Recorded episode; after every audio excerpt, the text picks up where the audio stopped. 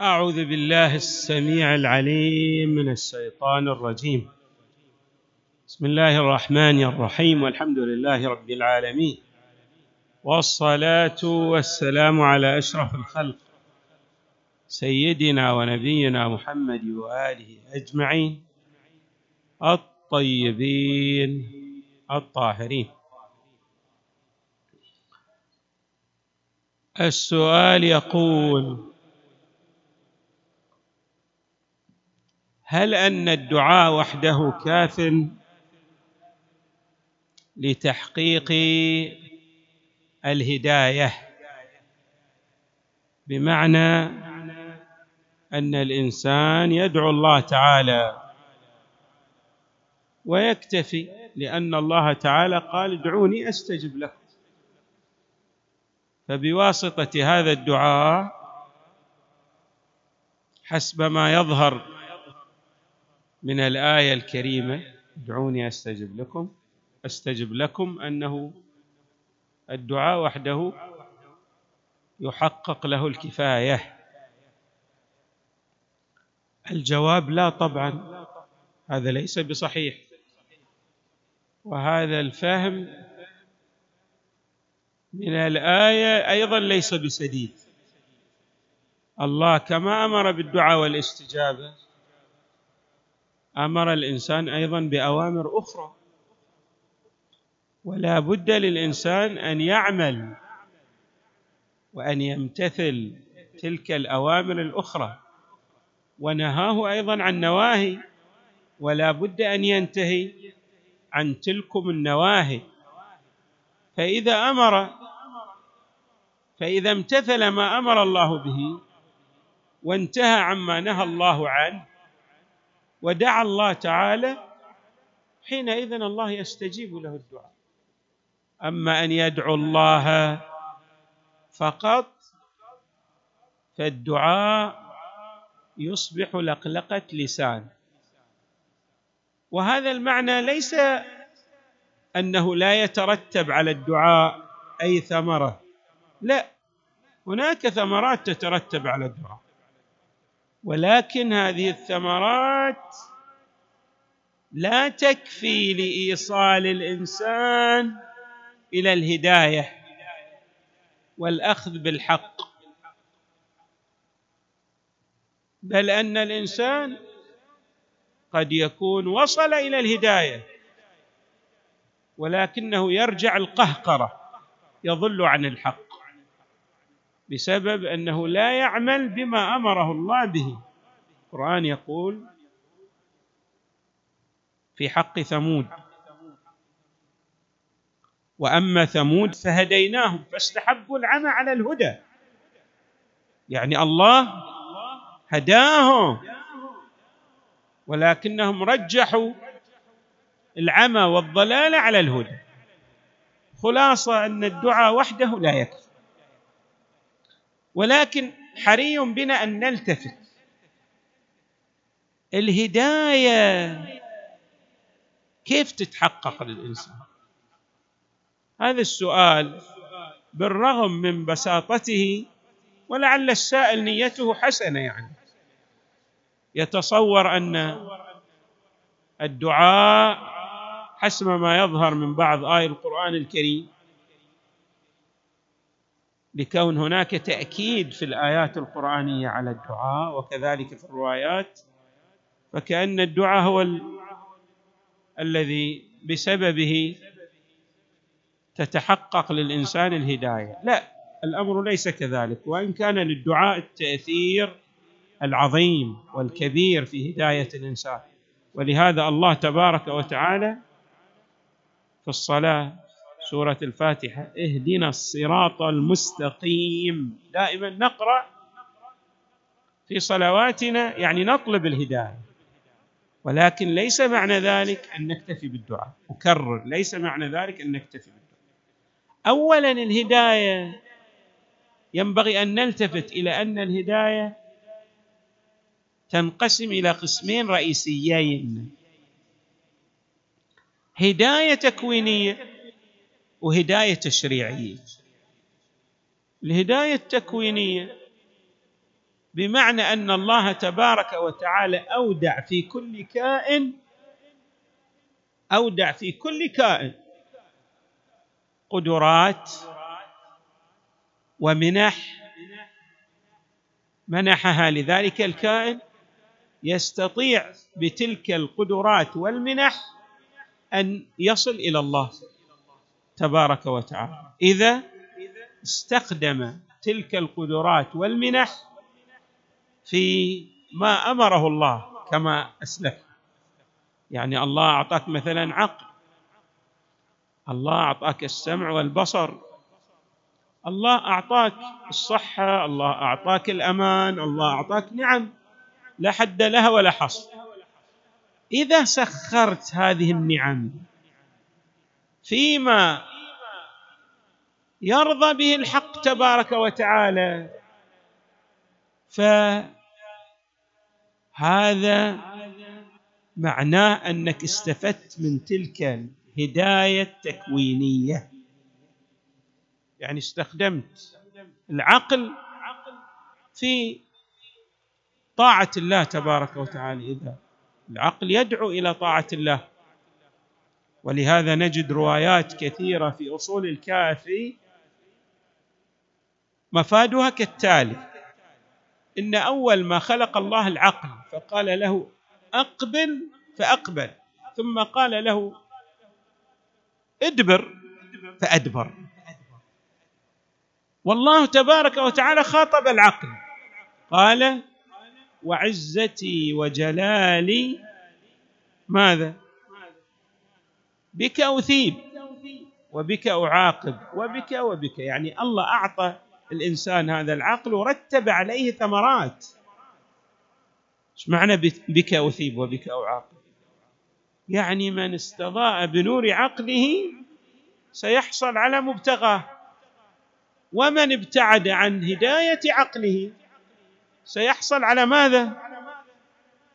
والعياذ بالله جهنم وبئس المصير. فإذا يكون نلتفت. هذا العقل. وبين أيضا الله تبارك وتعالى في عدة من الآيات هذا المعنى. بأن الإنسان مسؤول عن هذه النعم بالخصوص نعمة العقل. نعمة العقل وبقية النعم. قال الله تعالى إن السمع والبصر والفؤاد كل أولئك كان عنه مسؤولا. يعني أنت ما يمكن تسخر قدرات الله فيما لا يرضى به الله تبارك وتعالى وتحصل على هداية الله. ما يمكن. إذا سخرت هذه النعم فيما يرضى به الله تحصل على الهداية بشكل أوتوماتيكي كما نعبر يعني بشكل طبيعي. ما يحتاج. يقل بذل الجهد. ما تحتاج إلى جهود مضنية. تصبح الأمور ميسرة بالنسبة إليك. اذا وبعد في آيات أخرى مثل سورة الشمس. الله عندما يقول والشمس وضحاها والقمر إذا تلاها والنهار إذا جلاها والليل إذا يغشاها والسماء وما بناها والأرض وما طحاها ونفس وما سواها فألهمها فجورها وتقواها. قد أفلح من يعني عندما يقسم بهذه الأقسام المتعددة يقول الفلاح اللي هو الهداية والخير والوصول إلى الحق شو يترتب عليه؟ على تزكية النفس. ما يقول لك لا خلاص أنت عندك مثلا هالقدرات والنعم لكن ما تحتاج إلى جهد أو تكتفي بالدعاء. يقول لك لا تحتاج إلى تزكية نفسك لقبول الحقائق. فإذا في ما يمكن أن نسميه في الهداية التكوينية شنو؟ الشروط ال التي تحقق الأرضية الخصبة لقبول الهداية. وإذا زالت تلكم الشروط الإنسان لن يهتدي إلى الحق. يمكن أن نجعل الدعاء الذي سئل عنه أو الذي ورد في السؤال من جملة الشروط الإنسان يحتاج أيضا أن يدعو الله حتى الله تبارك وتعالى يرزقه لطفا منه ليهتدي إلى الحق. نعم. ولكن بالدعاء وحده أكرر. لا يمكن أن يكتفى ولا كان نترك كل الأعمال الطيبة والخيرة. اذا عندنا شيء نسميه هداية تكوينية. والهدايه التكوينية معناها أن الله تبارك وتعالى أودع في الإنسان قدرات يعرف الحق بها من الباطل من أهم هذه الأمور. شنو؟ العقل والسمع والبصر وسائر القدرات التي أشرنا إليه في فيما سلف. قال الله تعالى إن هديناه النجدين إما شاكرا وإما كفورا. يعني الله أوضح له طريقين النجد هو الطريق. وممكن أن يتبع طريق الحق. إذا أعمل قواه فيما يرضى فيما يرضى به الحق تبارك وتعالى فيما يرضى به الله فيهتدي إلى الصراط السوي. ممكن والعياذ بالله أن يدع الحق كما قلنا بالنسبة لثمود وغير ثمود. يكون نلتفت. الهدايه التشريعية ترتبط بالشكر مبدأ نسميه مبدأ الشكر وهو استخدام نعم الله فيما يرضى به الله تبارك وتعالى. أنا شفت مرة واحد يقول يعني أتمنى أي شنو أن أموت وأنا ساجد. فسأل السائل قال له أنت تصلي؟ صلي قال له لا والله عمري ما صليت. قال كيف تتمنى تموت وأنت وأنت عمرك ما صليت. يعني ما عنده الأماني هذه نسميها شنو؟ الأماني الكاذبة ما لها قيمة. كل إنسان يتمنى أنه يعني يحصل على الخير. هذه الأماني من دون أن تقترن بأعمال طيبة وصالحة ما لها قيمة. ما لها قيمة. لا قيمة لها. شنو أتمنى أن أموت وأنا ساجد؟ وأنا ما أعمل خير ما أفعل أي شيء ما أقوم بأي خطوات عملية. أنت أدعو الله واعمل. قل اعملوا فسيرى الله عملكم ورسوله والمؤمنون ما يمكن أن الإنسان يهتدي من دون عمل. هذا اذا أعطينا إضاءة على الهداية التكوينية. وعندنا هداية تشريعية وهي جد هامة هذه الهداية التشريعية التي جاء الأنبياء والرسل والأوصياء للأخذ بيد الناس في إيصالهم إلى الحق.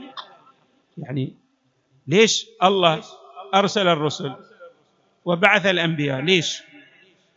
حتى يقولون لنا صيروا خوش صيروا طيبين صيروا خيرين اعملوا الخير. هذا هذا دور الأنبياء. هذه نسميه هداية تشريعية. طيب واحد يستكبر. ما يقبل أن يتبع الأنبياء والرسل والأوصياء؟ هذا أيضا حتى لو كان عنده عقل. وكان عقله وقادا. ما يهتدي إلى الحق. يكون ننتبه. لأن الهداية أيضا تحتاج إلى عامل جد هام هو التواضع للحق وقبول الحق. أتخطر شخصية كبيرة للإمام أمير يعني جرت له محاورة جميلة جدا مع الإمام أمير المؤمنين في الكوفة. الآن ما أتذكر اسمه لكن تذكرت الحوار. هذه الشخصية اقترف خطأ. الظاهر يوم من الأيام شرب الخمر. فأقام عليه الإمام أمير المؤمنين الحد. طيب هذه شخصية كبيرة. يعني لها وزن اجتماعي لها ثقل. فقاموا الناس يقولون له أنت شنو؟ هذا يعني هذا الإمام المؤمنين ما رعاك ما التفت إليك ما نظر إلى مقامك. هو تأثر نفسيا. لكن كان صراحة عنده شنو؟ فهم دقيق جدا. جاء للإمام المؤمنين يعني قام مثل ما نقول يعني فضفض للإمام المؤمنين. بس قال أنا يا أمير المؤمنين ترى أنا أدري بالنسبة لمقامك أنا أعرفك ترى يا علي. أنا يا علي أنت عارفك وش بين في حق علي؟ قال أنا إن رضيت بهذا اللي أنت سويت فيني صحيح أنا أتحمل ذل وكذا ومهانة من الناس. لأن مقامي ما يسمح أنك يعني تجري علي الحد. أنا عندي شخصية. يقول هذا واضح. في إذلال لشخصيتي. بس يقول في مشكلة ثانية أنا عندي. أنا أعرف أن عدم اتباعك والسير معك يساوق شنو؟ الخروج عما يريده الحق تبارك وتعالى. المعرفة الدقيقة جدا. بالرغم أنه اقترف خطأ. يعني شرب الخمر والعياذ بالله. بس قال ترى أنا عندي معرفة. أنا تركي لإمامتك. عدولي عن قبول الحق. استكباري على إقامة هذا الحق الإلهي. والحكم الإلهي بالجلد لي أنا أعرف أن هذا. يعني معناه خسران الآخرة يقول الإمام. قال له تعرف ذلك؟ قال له نعم أعرف. قال له يعني إن رضيت في مهانة لي من ناحية اجتماعية ولكن لكن إن تركتك ممكن أنا أفر مثل ما فر كثير من الإمام من المؤمنين بس قال له أنا أعرف أني راح أخسر الآخرة. قال له أعرف أنا يا علي أخسر الآخرة. قال له تعرف؟ قال له خلاص إذا قبلت هذا الله سبحانه وتعالى يعوضك. فالإنسان دائما يوضع بين خيارين. في بعض الأحيان أحلاهما مروا مثل هذه الشخصية. إذا أقيم عليه الحق الحد الشرعي الناس بيقولون له؟ يعيرونه. لكن إذا قبل الله يعوضه ولا ما يعوضه الله يعوضه؟ يعطيه. الله يعوضه بجنات. لا عين رأت لا أذن سمعت لا خطر على خيال البشر. إذا نحن اولا يكون نتبع ما جاء به الأنبياء والرسل. يعني نتبع اتباعا عمليا. نقوم بالأعمال أيضا التي وردت عنهم وصدرت منهم. ما يمكن واحد يعني الأنبياء يقولون لنا مثلا أقيموا الصلاة وآتوا الزكاة. نقول لا والله ما يخالف. مثل ذاك اللي أرسل له النبي صلى الله عليه وآله. قال له أدي زكاة أموالك. قال أيشاركنا ابن أبي كبشة في أموالنا. إحنا نعرف أن هذا رد على النبي صلى الله عليه وآله. هالقضايا هذه إلى إلى يوم الناس هذا تشوف مثلا بعض غير المتدينين. عندما يجيب لك ألف إشكال وإشكال على الدين وعلى الصلاة وعلى الخمس وعلى الحج وعلى كل شيء. بس إحنا نتبع هؤلاء الذين لا قيمة لهم من الناحية العلمية. ولا وزن له من الناحية الإيمانية. لا يعني ما نقدر نحن يعني نقول يعني هؤلاء أيضا عندهم إشكالات على على الإسلام أو على إمامة الأئمة من أهل البيت أو على بعض المظاهر. لا قيمة لاشكالاتهم حتى من جماعة أنا ما أقول إلا يعني من غير جماعتنا لا حتى من جماعتنا من كل الطوائف وحتى زمان الأئمة. يعني هالإشكالات موجودة حتى يعني زمان النبي محمد صلى الله عليه وآله. بل كان النبي أكثر واحد يستهزأ به. يعني إذا الآن تشوفون مثلا استهزاء ببعض رجال الدين هذا الاستهزاء ما يمثل واحد بالمئة من الاستهزاء بشخصيات بشخصية النبي صلى الله عليه وسلم الآن رجال الدين في عصرنا هذا يعني لهم الكرامة. ما كان يشيلون مثلا شنو الروث ويضعون على آه، على رؤوس على رأس النبي صلى الله عليه وسلم والدم والأشياء والكذا ويلوحون عليه الحصى. ما حد يسوي هالأشياء هذه. وهكذا كان أيضا إهانات للأئمة من أهل البيت. الإمام الكاظم مثلا في بعض الإهانات لا حتى ما ما حد يقدر يسلم عليه. هو الإمام يمنع يقول لا حد يسلم إحنا الآن رجال الدين ما ما يفعل بهم كذا يعني بالرغم من الفسق والفجور والأشياء هذه بالعكس رجل الدين مكرم. وحتى المؤمنين الذين يستهزأ بهم أو يستهزأ يعني يتمسخر بعض الناس على إيمانهم. ما يعني أمور بسيطة جدا ما ليس مثل الإهانات وال والاستهزاءات والأمور التي كانت في السابق. هذه طبعا يعني أتيت بهذه من باب شنو؟ إعطاء إضاءة. المهم إن إحنا نحتاج إلى العمل. بما جاء به الأنبياء والرسل بما قاله الأوصياء وهم الأئمة من أهل البيت عليهم السلام حينئذ نحصل على الهداية. أما أني أقول يا الله اهدني مثلا وأنا أترك الصلاة. وأقول أنا دعوت الله. هذا مو بصحيح هذا الكلام الهداية ترتبط بالعمل بالعمل. لا بد الإنسان أن يلتزم التزاما دقيقا. يا أيها الذين آمنوا اتقوا الله. وكونوا مع الصادقين حينئذ الله يأخذ بيدك إلى السداد ويوصلك إلى الحق. نسأل الله تبارك وتعالى أن يجعلنا وإياكم من المهتدين ومن السائرين على هدي محمد وآله البررة الميامين. صلى الله وسلم وزاد وبارك على سيدنا ونبينا محمد وآله أجمعين الطيبين الطاهرين.